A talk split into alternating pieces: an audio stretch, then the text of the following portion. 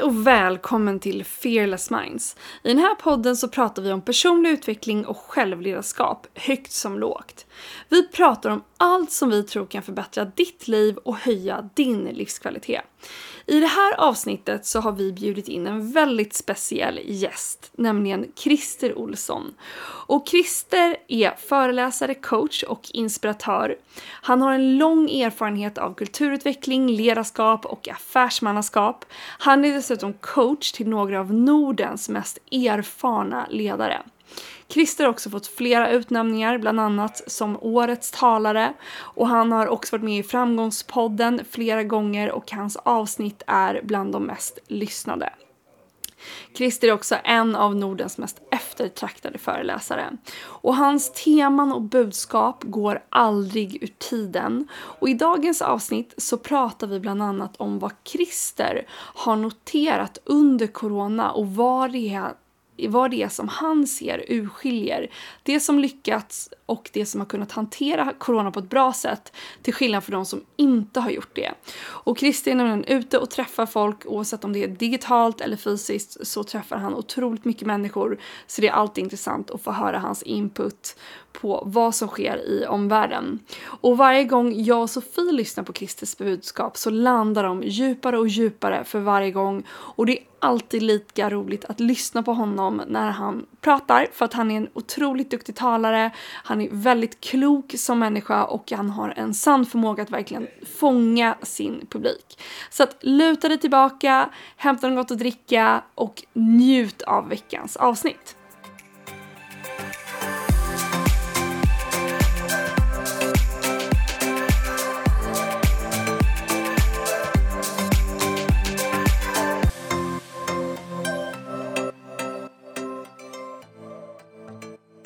Ja, vi sitter ju här idag tillsammans med Christer Olsson som vi har jobbat ihop med nu under ett par år och som alltid har väldigt intressanta sätt att se på, på saker och ting. Och så vi började ju prata här innan vi började spela in om just vad du har märkt av här i corona, Christer, och vad som är relevant. För du är ute och träffar folk hela tiden och det känns som att via dig så kan man få en liten temp på vad som pågår ute i näringslivet och hur folk resonerar, eh, vad många har svårt med, vad man strugglar med.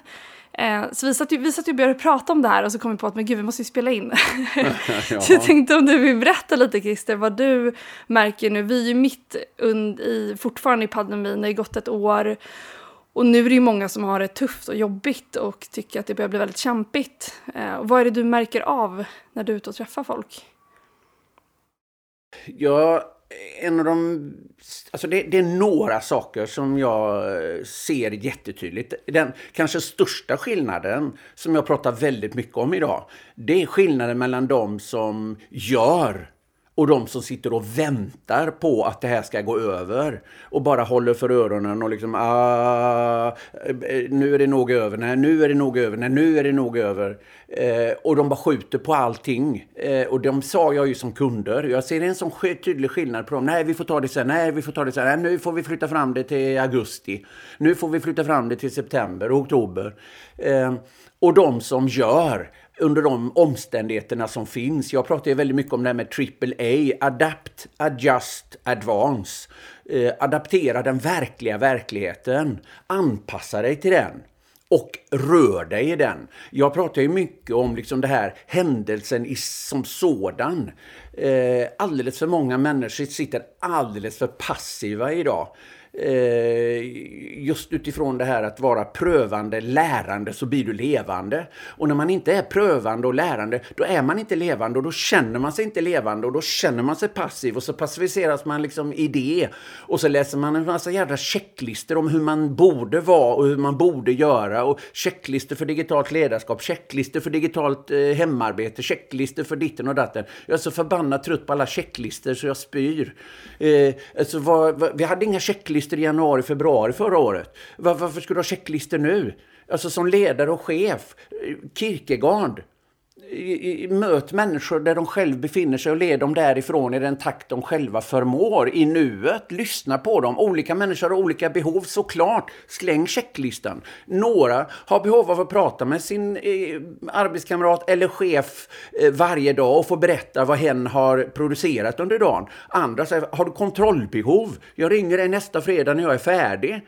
Vi är olika, vi har olika behov, såklart.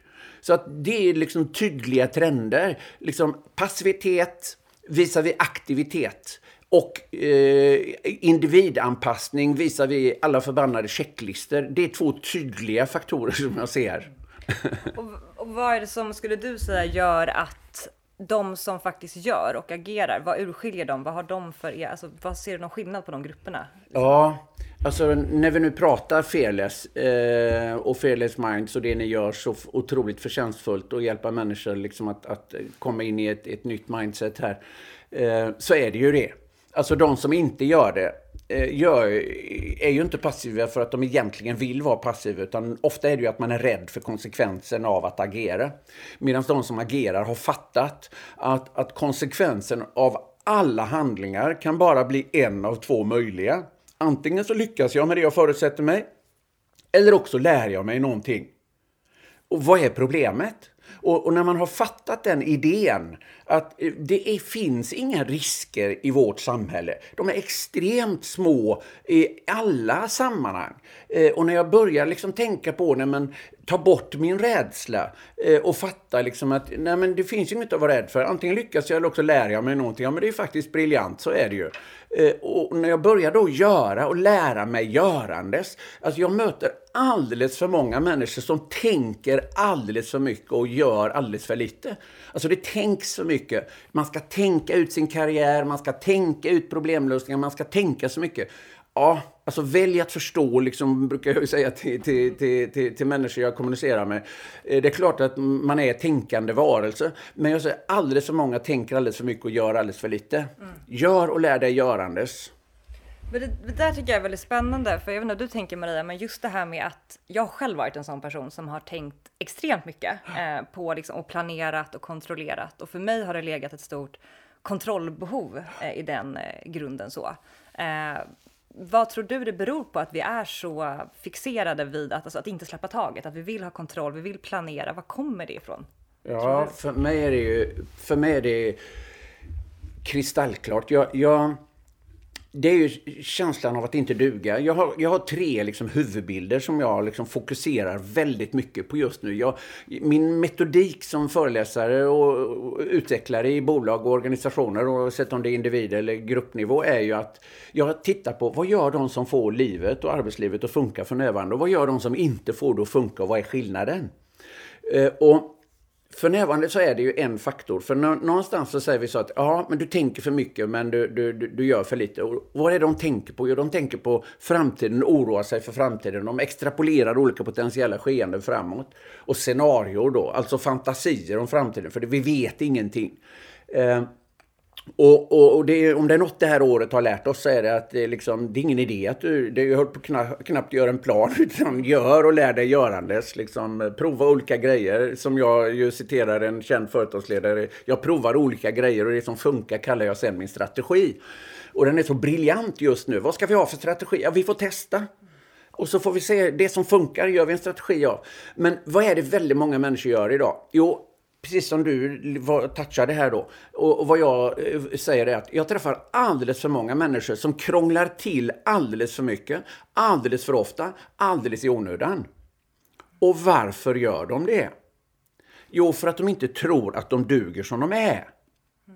För när jag, när jag, när jag är trygg i att jag, jag duger som jag är, då kan jag ju vara den jag är.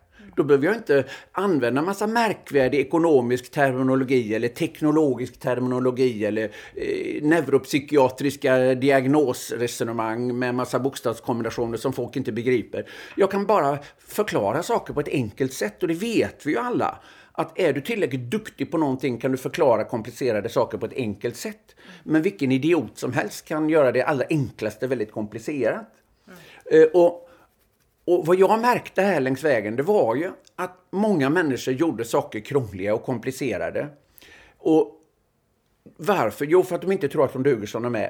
Och varför tror de inte att de duger som de är? Och jag har ju liksom en, en, en eh, alltså den faktorn som jag pratar mest om av alla, eller tre faktorer är det, som hör ihop i en serie. Eh, och den första är ju det här, varför tror man inte att man duger som man är? Och när jag lyssnar och när jag djupintervjuar de här, då kommer jag ju fram till att det här är icke-reflekterande människor. Mm. Och då skiljer jag, reflektion är något helt annat än att tänka och grubbla. Mm. Grubblar gör vi liksom om framtiden, oroar oss för framtiden. Reflekterar, det gör vi, det är ett lärande. Eh, om det förflutna. Och otroligt många människor har slutat reflektera, eller kanske många unga har inte ens börjat. Eh, för de tror att utbildning är någonting man lär sig i skolan och jag säger skolan, den lär dig bara att lära. Eh, du lär dig ett antal grundfundament och vissa grundformler. Men i skolan lär du dig att lära. Men det du verkligen har användning för i livet, det lär du dig i livet medan det pågår. Men jag säger ju också så att under tiden livet pågår, och den viktigaste skolan då, livets skola, om jag inte varje dag ställer mig frågan det här ska du lyssna noga på du som eh, eventuellt lyssnar.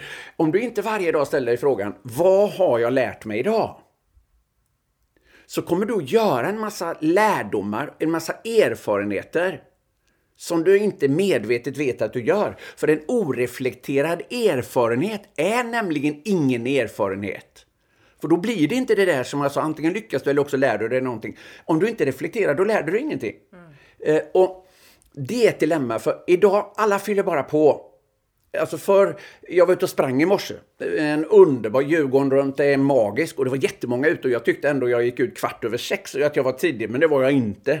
Det var liksom eh, jättemycket människor ute redan.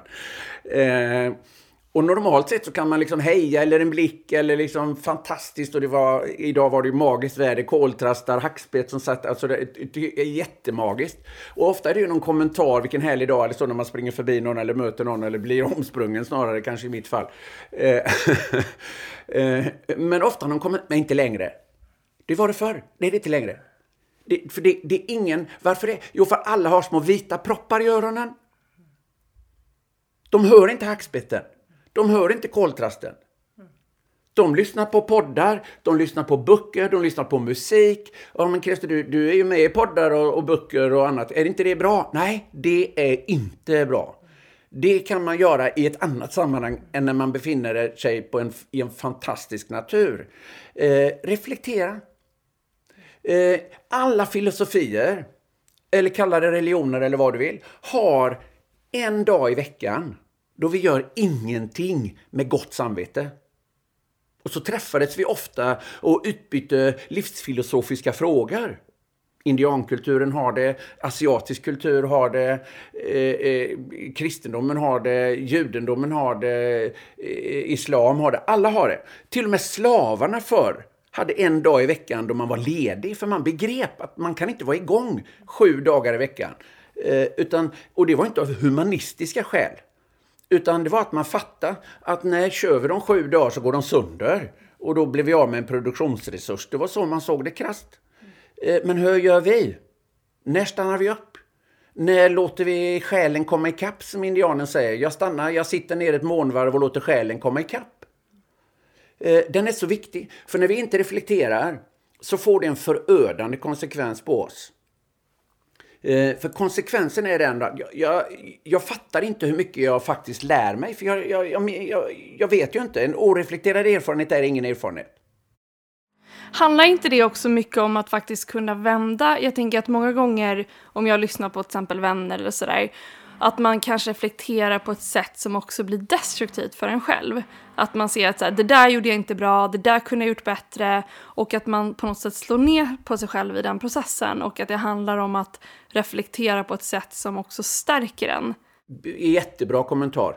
Väldigt bra kommentar. Eh, alltså att man letar efter ett lärande. Vad lärde jag mig av det här? För det är ju det som är ingången i det. är ju inte att kritiskt recensera sig själv jättebra eh, eh, reflektion. Eh, för det är precis det ah. som är dilemmat. Att man kritiskt grann recenserar sig själv istället för att fundera på vad lärde jag mig av det här?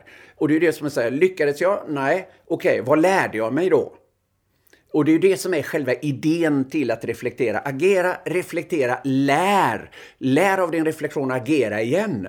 Eh, och jag säger ju till alla människor att det finns bara ett enda sätt att utvecklas och det är att göra annorlunda idag än igår. Och då får jag ju invändningen, ja men Christer, hur vet du att annorlunda är bättre då? Det vet jag inte. Hur vet du att det är sämre? Ja, det vet jag inte förstås. Nej, bra, då provar vi. Och så visste det sig vara sämre. Nej, det var sämre. Ja, men då gör vi inte så. Då, vi, då testar vi så här istället. Så att det är en jätteviktig remark du gör där.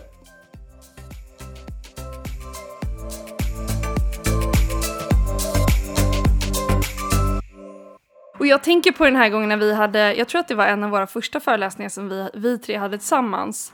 Där du kom upp, vi möttes i restaurangen där och så satt jag och Sofie och vi satt ju precis då efteråt och satt i den här fasen där vi reflekterade fast vi gjorde det på ett väldigt kritiskt sätt om oss själva. Och att vi möttes, jag vet inte om du kommer ihåg det Christer, eh, men att där, att jag tänker att ofta när man varit med om någonting som vi då upplevde var lite jobbigt i den situationen, att det är så lätt att först hamna i det här där man kanske slår ner på sig själv lite. Eh, sen träffades vi och satt och pratade och lyckades vända det till någonting positivt eh, och, och, en riktig lärdom på riktigt.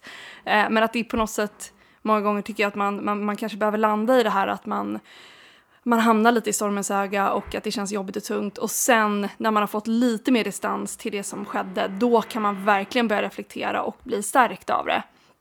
Ehm, jag kom, tänk, kom att tänka på den gången där när vi möttes efter föreläsningen, för det, det var ju ett sånt tillfälle för oss där vi eh, gjorde det, det först kritiskt och sen lyckades eh, vända det då när vi satt och pratade om det. Ja, och det är väl framförallt tänker jag de gångerna, de gångerna som är riktigt tuffa när det blir motgångar, när man känner att man misslyckas med dem. De gångerna kanske det är som, som störst lärdom, men det kanske är som svårast att eh, att få lite distans till det. Men lyckas man få det kan man verkligen få ut någonting. För jag tänker att reflektion finns ju på olika, det finns den dagliga, när det finns små saker som man kan reflektera över, där man lärt sig. Och sen finns ju de gångerna man genuint har misslyckats. Man har verkligen, det har inte blivit alls som man har tänkt eller som man har velat eller något har verkligen gått åt helvete.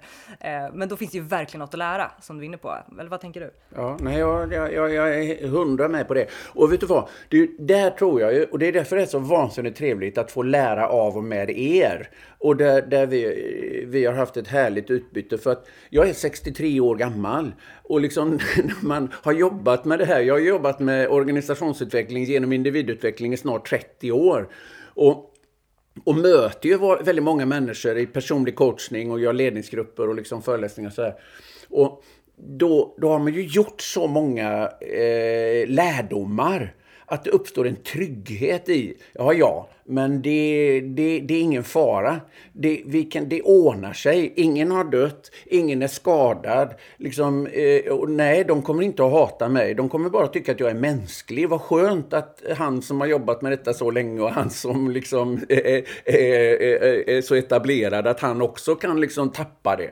Och så vinner man på det. Men, men det man behöver göra, alltså det är det som är paradoxen att man, jag vill ju försöka, en av mina ambitioner är ju att försöka överföra det här till unga människor. Det ordnar sig. Det är ingen fara, älskade vän. Det är ingen fara, de kommer inte att hata dig. Du, alltså, du kommer inte bli utesluten ur flocken. Du kommer inte att svälta ihjäl. Det kommer inte att hända någonting. Dina fantasier är, är helt liksom falska. Eh, och den tryggheten som du får med åldern, det är ju en paradox. Den skulle jag ju önska att alla liksom som var 30 och plus där Eh, hade. För när man har lusten, energin, suget framåt och man också... För vi pratade innan nu när vi pratade så sa jag, ah, är det inte fantastiskt kul? Jag är, är, så gammal och så har jag ändå liksom... Eh, jag, jag, jag pikar ju lite grann för närvarande. Jag har ju aldrig liksom haft så mycket att göra. Jag hade all time high liksom eh, förra hösten och jag, har haft, jag har ett fantastiskt flow och får träffa jättemånga människor och lära mig jättemycket. Eh, liksom, hur känns det? Alltså, det? Det som är så underbart nu det är att jag känner lust och glädje och trygghet. Och den känslan är magisk. Att få ha lust och glädje på dagarna och vara trygg i magen. För det har jag inte alltid varit. Vilket mm, är, är, är ju liksom jag, jag skriver och beskriver ofta.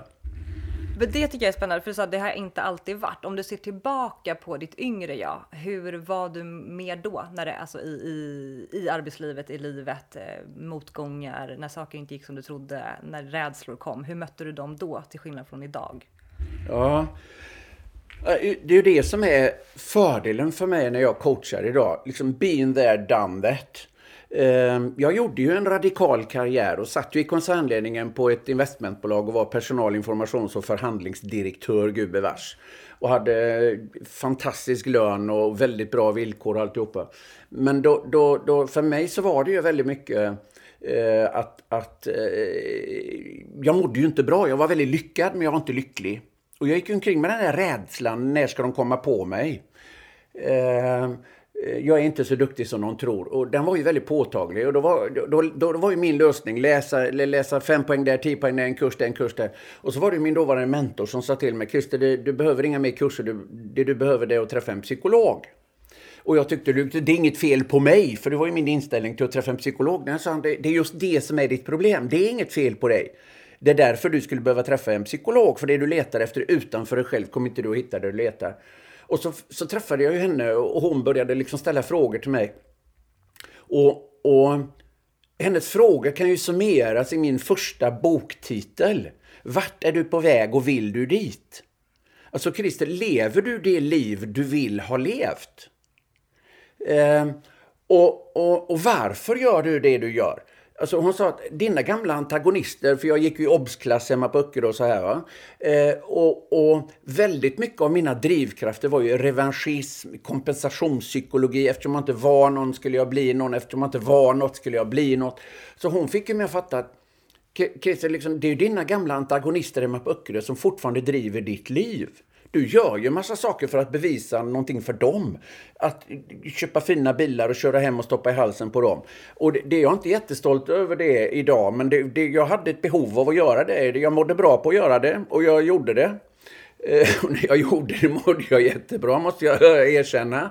Eh, men, men hon fick mig att fatta det här då. Att, att liksom ställa mig frågan, varför gör jag det jag gör? Och för vem? Och det är en fråga jag jobbar mycket med många med. Är det mamma, är det pappa du ska duga för? Är det din respektive, vad den än består av? Eller är det din sociala umgänge? Är det dina klasskompisar på Handels eller Tekniskt? Eller, alltså, för vem försöker du duga? Vad vill du egentligen? Vart är du på väg och vill du dit? Vad är meningen med livet? Alltså den frågan behöver man ställa sig ganska tidigt. Är det att bli det rikaste liket? Är livet en tävling? Ja, vissa säger ja på den frågan och jag säger nej. det är det inte. Utan det handlar ju om att må bra.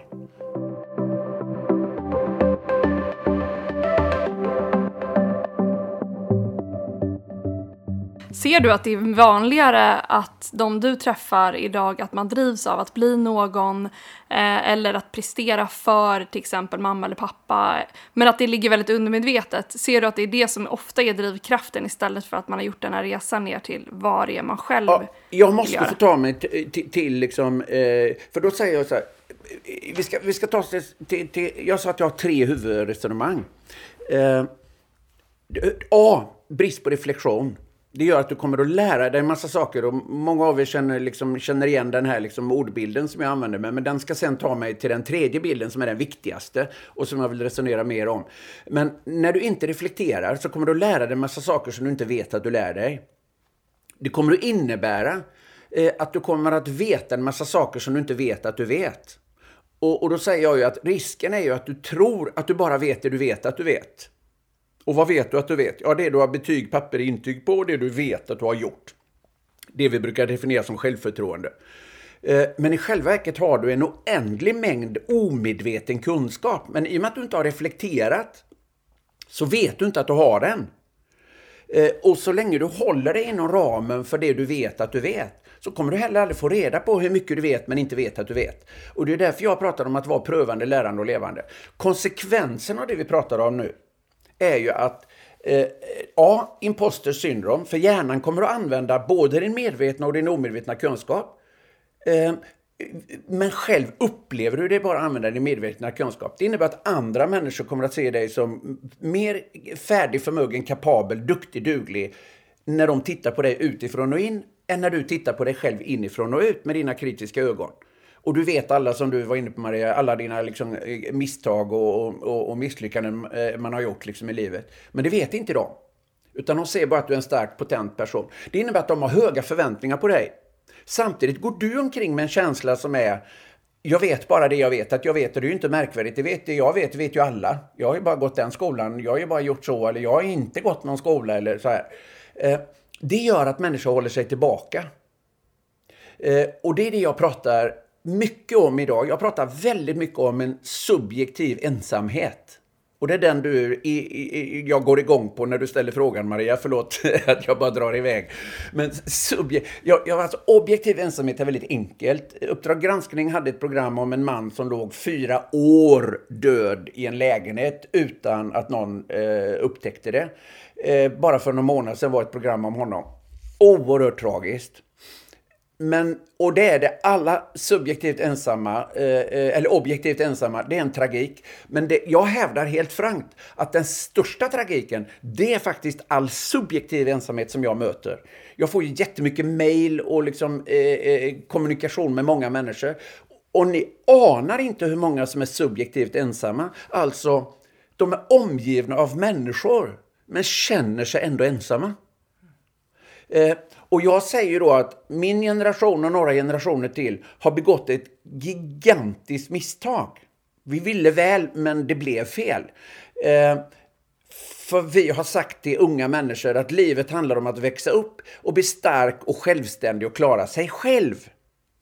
Och där är svaret på din fråga, Maria. Vad är, vad är problemet? Ja, detta är huvudproblemet. Att, alltså det är så mycket skitsnack. Vi säger liksom att ja, livet handlar om att växa upp och, och bli stark och självständig och klara sig själv. Ja, det viktigaste är att klara sig själv.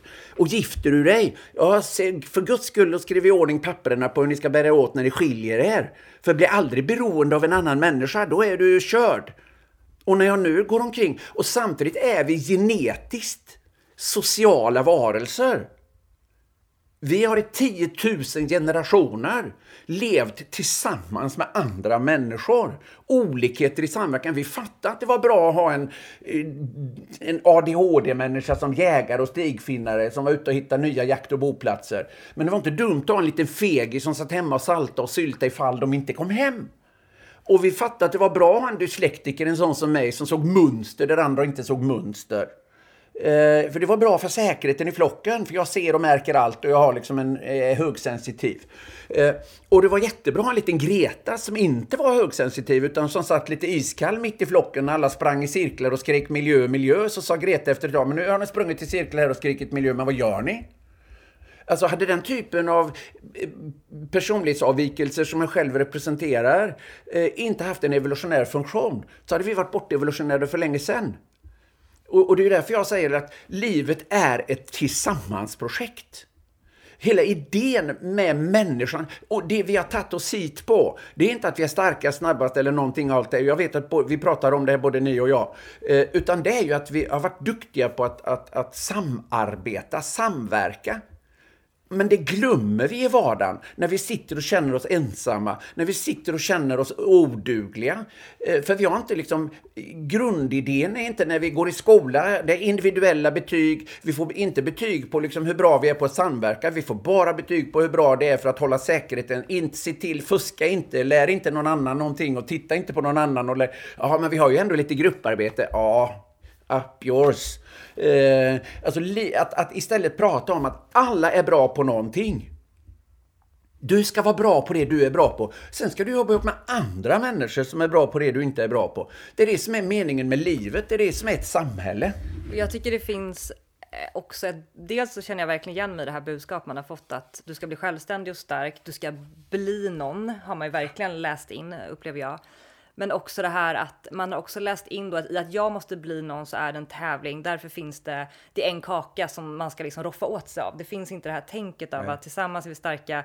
Det finns och räcker till alla. Alltså den, det tycker jag också tar bort det här tillsammans. Eh, tänket att man har liksom blivit inprintad i att det är en tävling, jag ska roffa mitt och så får jag sitta med ja, det och hålla ja, hårt istället ja. för att, att få in det här mer som det förmodligen fanns i flocken, att vi ska överleva tillsammans. Eh, så. Ja, och kunskap förmeras när den delas. Alltså att någonstans liksom lära av och med varandra. Alltså att om jag har en krona och du har en krona och jag ger dig en krona och du ger mig en krona, då har vi fortfarande på varsin krona. Men om jag har en insikt, en kunskap och du har en insikt och en kunskap och jag ger dig min kunskap och insikt och du ger mig din, ja då har vi plötsligt dubblat innehavet det är 100% avkastning. Alltså det, det, det, det, är så mycket att vinna på att, att vara öppna och sårbara och liksom med varandra och liksom lära av och med varandra och fatta liksom att nej, du är inte ensam. Och människor vill dig väl. Vart börjar den, jag tänker så här, vems ansvar ligger det på att skapa den förändringen? Är det på samhället? Är det eh, chefer på företag? Är det på individnivå? Vart ser du någonstans att så här, det, här, det är här ansvaret ligger att skapa den förändringen? Ja, eh, alltså, ja, den först, det första ansvaret eh, lägger jag ju ärligt talat på föräldrar. Det är därför jag säger att det är föräldrarna som har gjort en stor skada med, i, i, i, flera generationer. Där, där, där vi har sagt att barnen ska växa upp och bli starka och självständiga och klara sig själva. Eh, sen är ju liksom det hela komplexet, alltså det är alla människor egentligen vi behöver prata om det oavsett socialt kontext, om det är liksom samhället i det stora perspektivet eller om det är liksom eh, den organisationen på jobbet och ledarskapet eller utan det är allas ansvar. Men det är klart att föräldrars ansvar vilar tyngre, ledares ansvar vilar tyngre. I de system där vi har auktoriteter så det, har de ett huvudansvar, men jag pratar ju alltid om att alla är medansvariga i allt allting. Men auktoriteterna i varje system har alltid ett större ansvar i min värld om det finns auktoriteter. Oavsett om de är intellektuella auktoriteter eller om de är organisatoriska så har de ett eh, större ansvar, men alla är medansvariga. Det viktigaste är att vi gör det vi gör just nu, pratar om det. Och det är därför jag pratar om det hela tiden. Ja, men kan du inte komma med något nytt, Olsson? Nej, jag är inte intresserad av att komma med något nytt förrän jag är färdig med det här. för då skulle jag tänka på mig själv. Mm. Det är klart att jag skulle kunna briljera. Jag har läst jättemycket neuroscience för närvarande om hjärnan och jag är så jag skulle kunna briljera med jättemånga nya avancerade bilder. Men det är inte det folk behöver. Då tänker jag på mig återigen och inte på liksom, vad tror jag flest har nytt, mest nytta av att, att liksom lyssna på. Så att alla har ett ansvar här. Och vi som jobbar med det vi gör nu och, och, och, och, och, och, du som lyssnar och kanske också när du, alltså tänk bara själva. Eh, ni är ett antal som lyssnar. Om du pratar med din omgivning, de pratar med sin omgivning. Jag tror ju verkligen på att vi kan göra skillnad, vi människor. Jag hade ju inte kunnat ha det här jobbet om inte jag trodde att jag påverkade människor positivt. Då skulle jag vara en bedragare. Och där, där, tänker jag också just det här med, apropå Tillsammansprojektet, vilket jag tycker är så himla fantastiskt. Eh, hela det konceptet när du förklarar det, det resonerar ju så mycket i kroppen framför allt när man, när man hör om det. Och att jag upplever i alla fall för egen del att man gått från det här självständig, stark till att verkligen jobba mycket mer tillsammans och att genuint känna det att jag behöver inte kunna allting och att vi har olika styrkor och svagheter och vi hjälper varandra. Och så har ju vi till exempel, vi tre jobbat väldigt mycket i vår konstellation och att det blir eh, det är också där man, man, man tappar väldigt mycket av den här stressen som jag, som jag upplevt i alla fall tidigare, den här prestationsångesten, stressen över att behöva hantera, ha svar på allting, att det är mycket Många gånger, jag, och jag tänker också så här koppla tillbaka till det här du sa i början, att många sitter fast i att inte agera. Och att jag tror att det är så starkt kopplat till att man känner att man har världen på sina axlar. Man har så mycket man ska kunna och man ska alltid vara liksom skarp och skärpt och ha koll på läget, vilket man inte har alla dagar. Um, och att det är på något sätt hela den här liksom, vad säger man, stressen som bara följer med som man kan släppa då när man kliver in i att verkligen genuint jobba tillsammans och att det är, eh, det är någonting som man själv verkligen kan bjuda in till. För att när man själv på något sätt börjar med att ta det, det steget eller man kanske visar sig sårbar i form av att be om hjälp eller säga att jag är inte så bra på det här, kan någon, någon annan hjälpa mig med det här så är det, öppnar det också upp dörren för någon annan att ha samma bemötande tillbaka. Så att, av min erfarenhet i alla fall så är det att eh, de här små agerandet i ens egen vardag genom att bjuda in andra till att hjälpa en själv skapar väldigt eh, en, en eh, vad säger man, en växande förändring i form av att så här, det är lugnt att inte kunna allting och det är safe för dig att också våga eh, be om hjälp om du fastnar. Så jag tycker att ja, det, för mig är det väldigt starkt kopplat till sårbarhet också. Att våga på något sätt visa för någon annan att man inte kan allting eh, och att vara okej okay med det. Vad tänker du om det, just med sår, sårbarhet? Ja, ja det, det, det, så är det ju. Och det, alltså det, dessutom, alltså, eh, jag ställer ju alltid frågan, när, när gav du senast någon gåvan att få känna sig behövd genom att be om hjälp? För det är ju som du säger, det är ju att berika en annan människa när du ber om hjälp. Vi mår ju så bra när vi får hjälpa andra, för då får vi känna oss behövda. Behovet att vara behövd är det mest existentiella behovet vi har. Eh, och, och eh, det, det, det, var ju det vi tog bort när vi liksom stat, skulle skapa en statsindividualism istället. Idén var jättebra, bort med patriarkatet, bort med liksom det gamla borgarsamhället. Idén var jättebra med, med statarsamhället och liksom det här. Eh, men, men, men vi gick för långt. From säger en överdriven styrka blir en svaghet. Alltså vi gick för långt. Ingen skulle vara beroende av någon. Staten sköter all trygghet med sjukdom och arbetslöshet och liksom, eh, om du hamnar på botten får du, liksom, kan du få hjälp. Men, men eh, vi ska inte vara beroende av ah, varandra och vi ska inte heller då hjälpa varandra. Alltså vi tappar det där någonstans eh, Eh, i en, i en korkad idé som fick alldeles för mycket fäste och alldeles för mycket rot. Så att, att resonera på det sättet som du gör där, eh, Maria, är helt rätt. Att be om hjälp, låt andra liksom hjälpa till. För Alltså när du visar dig sårbar, alltså en djup mänsklig egenskap är empati.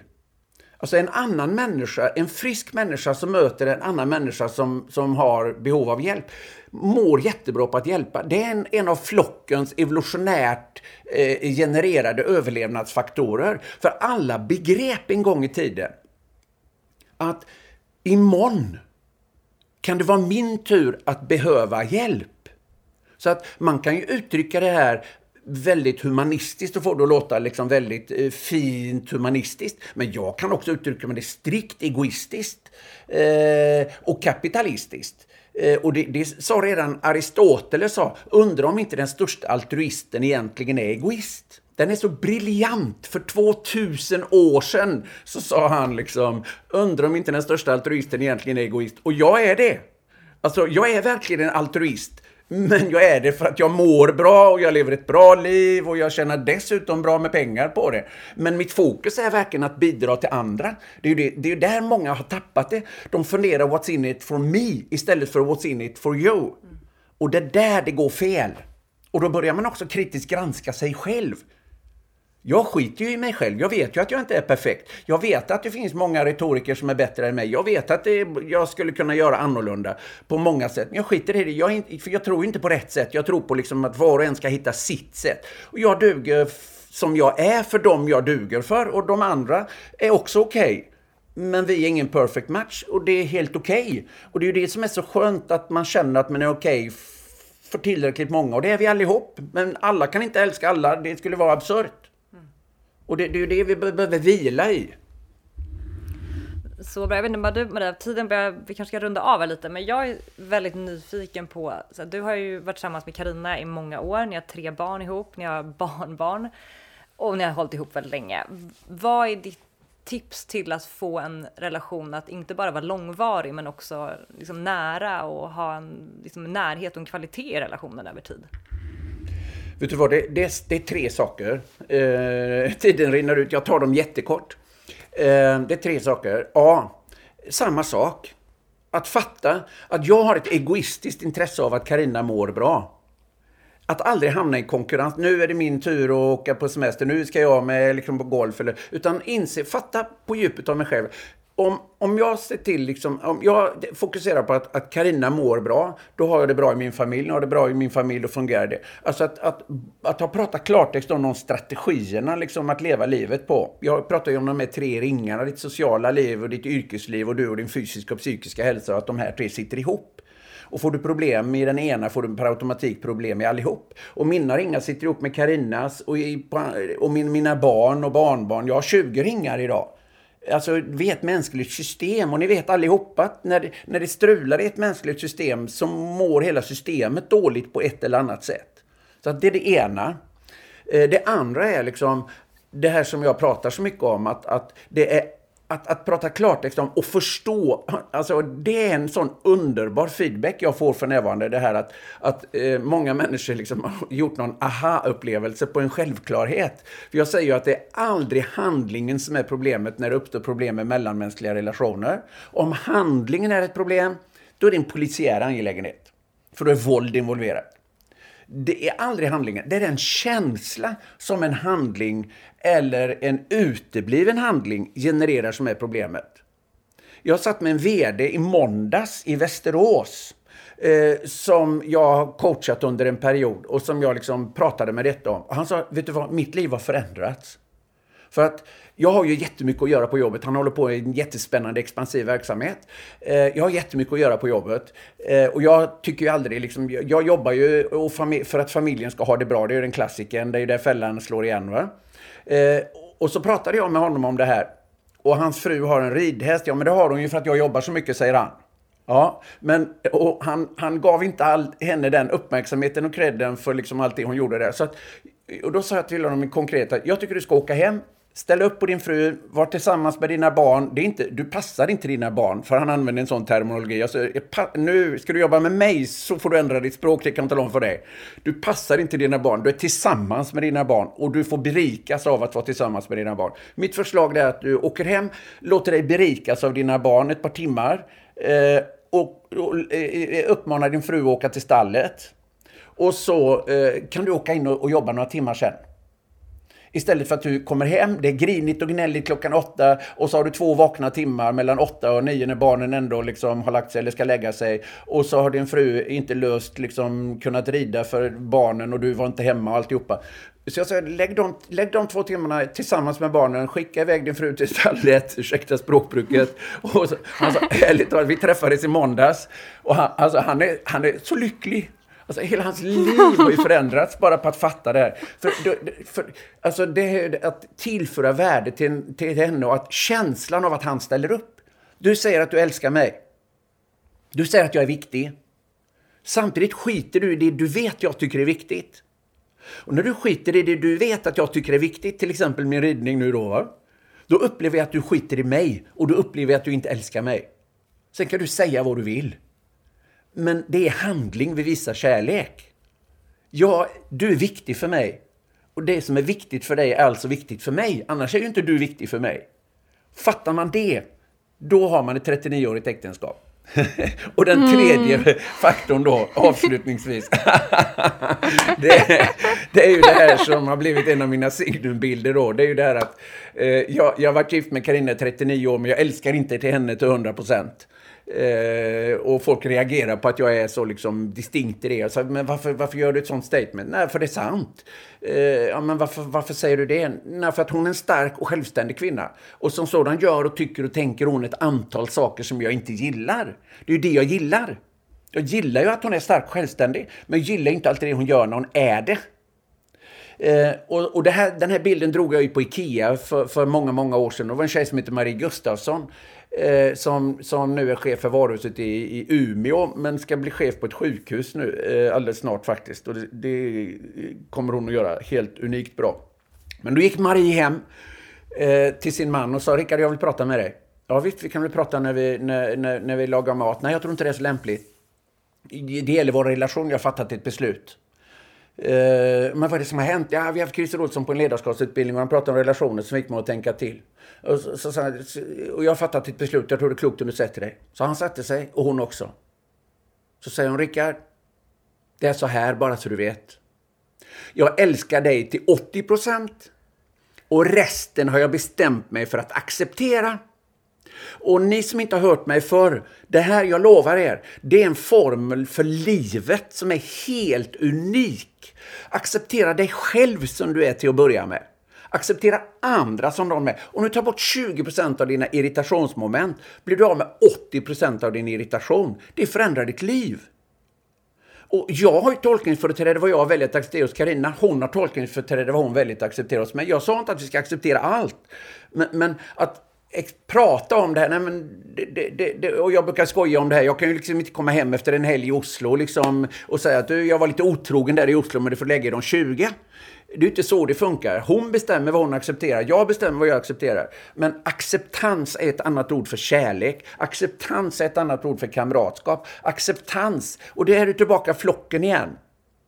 Att någon är introvert, någon är extrovert, någon är bra på det, någon är bra på något annat. Att vi accepterar varandra och fattar. Ja, men det är ju därför vi är ihop. Det är för att vi är olika.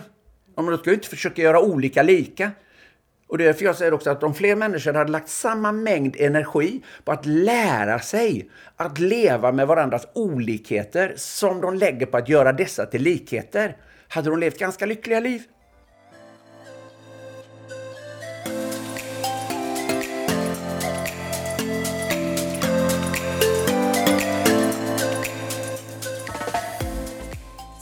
Tack att du har varit med som vanligt så är det, ja, det är briljant och det är alltid lika intressant att lyssna på dig. Tack så hemskt mycket och viktigt att påminnas om. Jättehärligt. Tack, tack.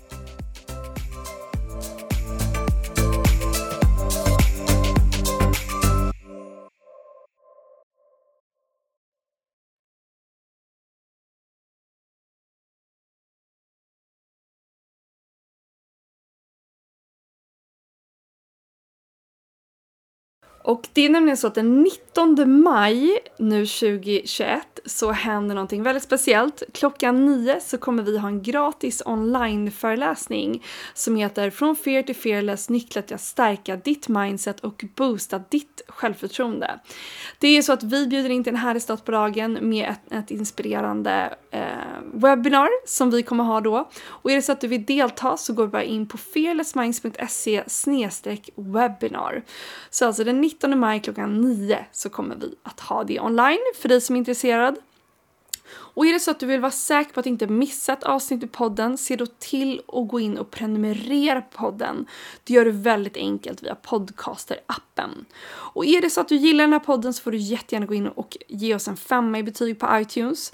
På så sätt så gör du inte bara oss väldigt glada, du hjälper också fler att hitta podden. Och är det så att du vill få tillgång till exklusivt material, unika erbjudanden och innehåll som vi bara delar till vårt community, gå då in på fearlessminds.se och lämna din e-postadress. Då får du också vår gratisguide som heter The Secret to Boosting Your Self-Confidence till dig.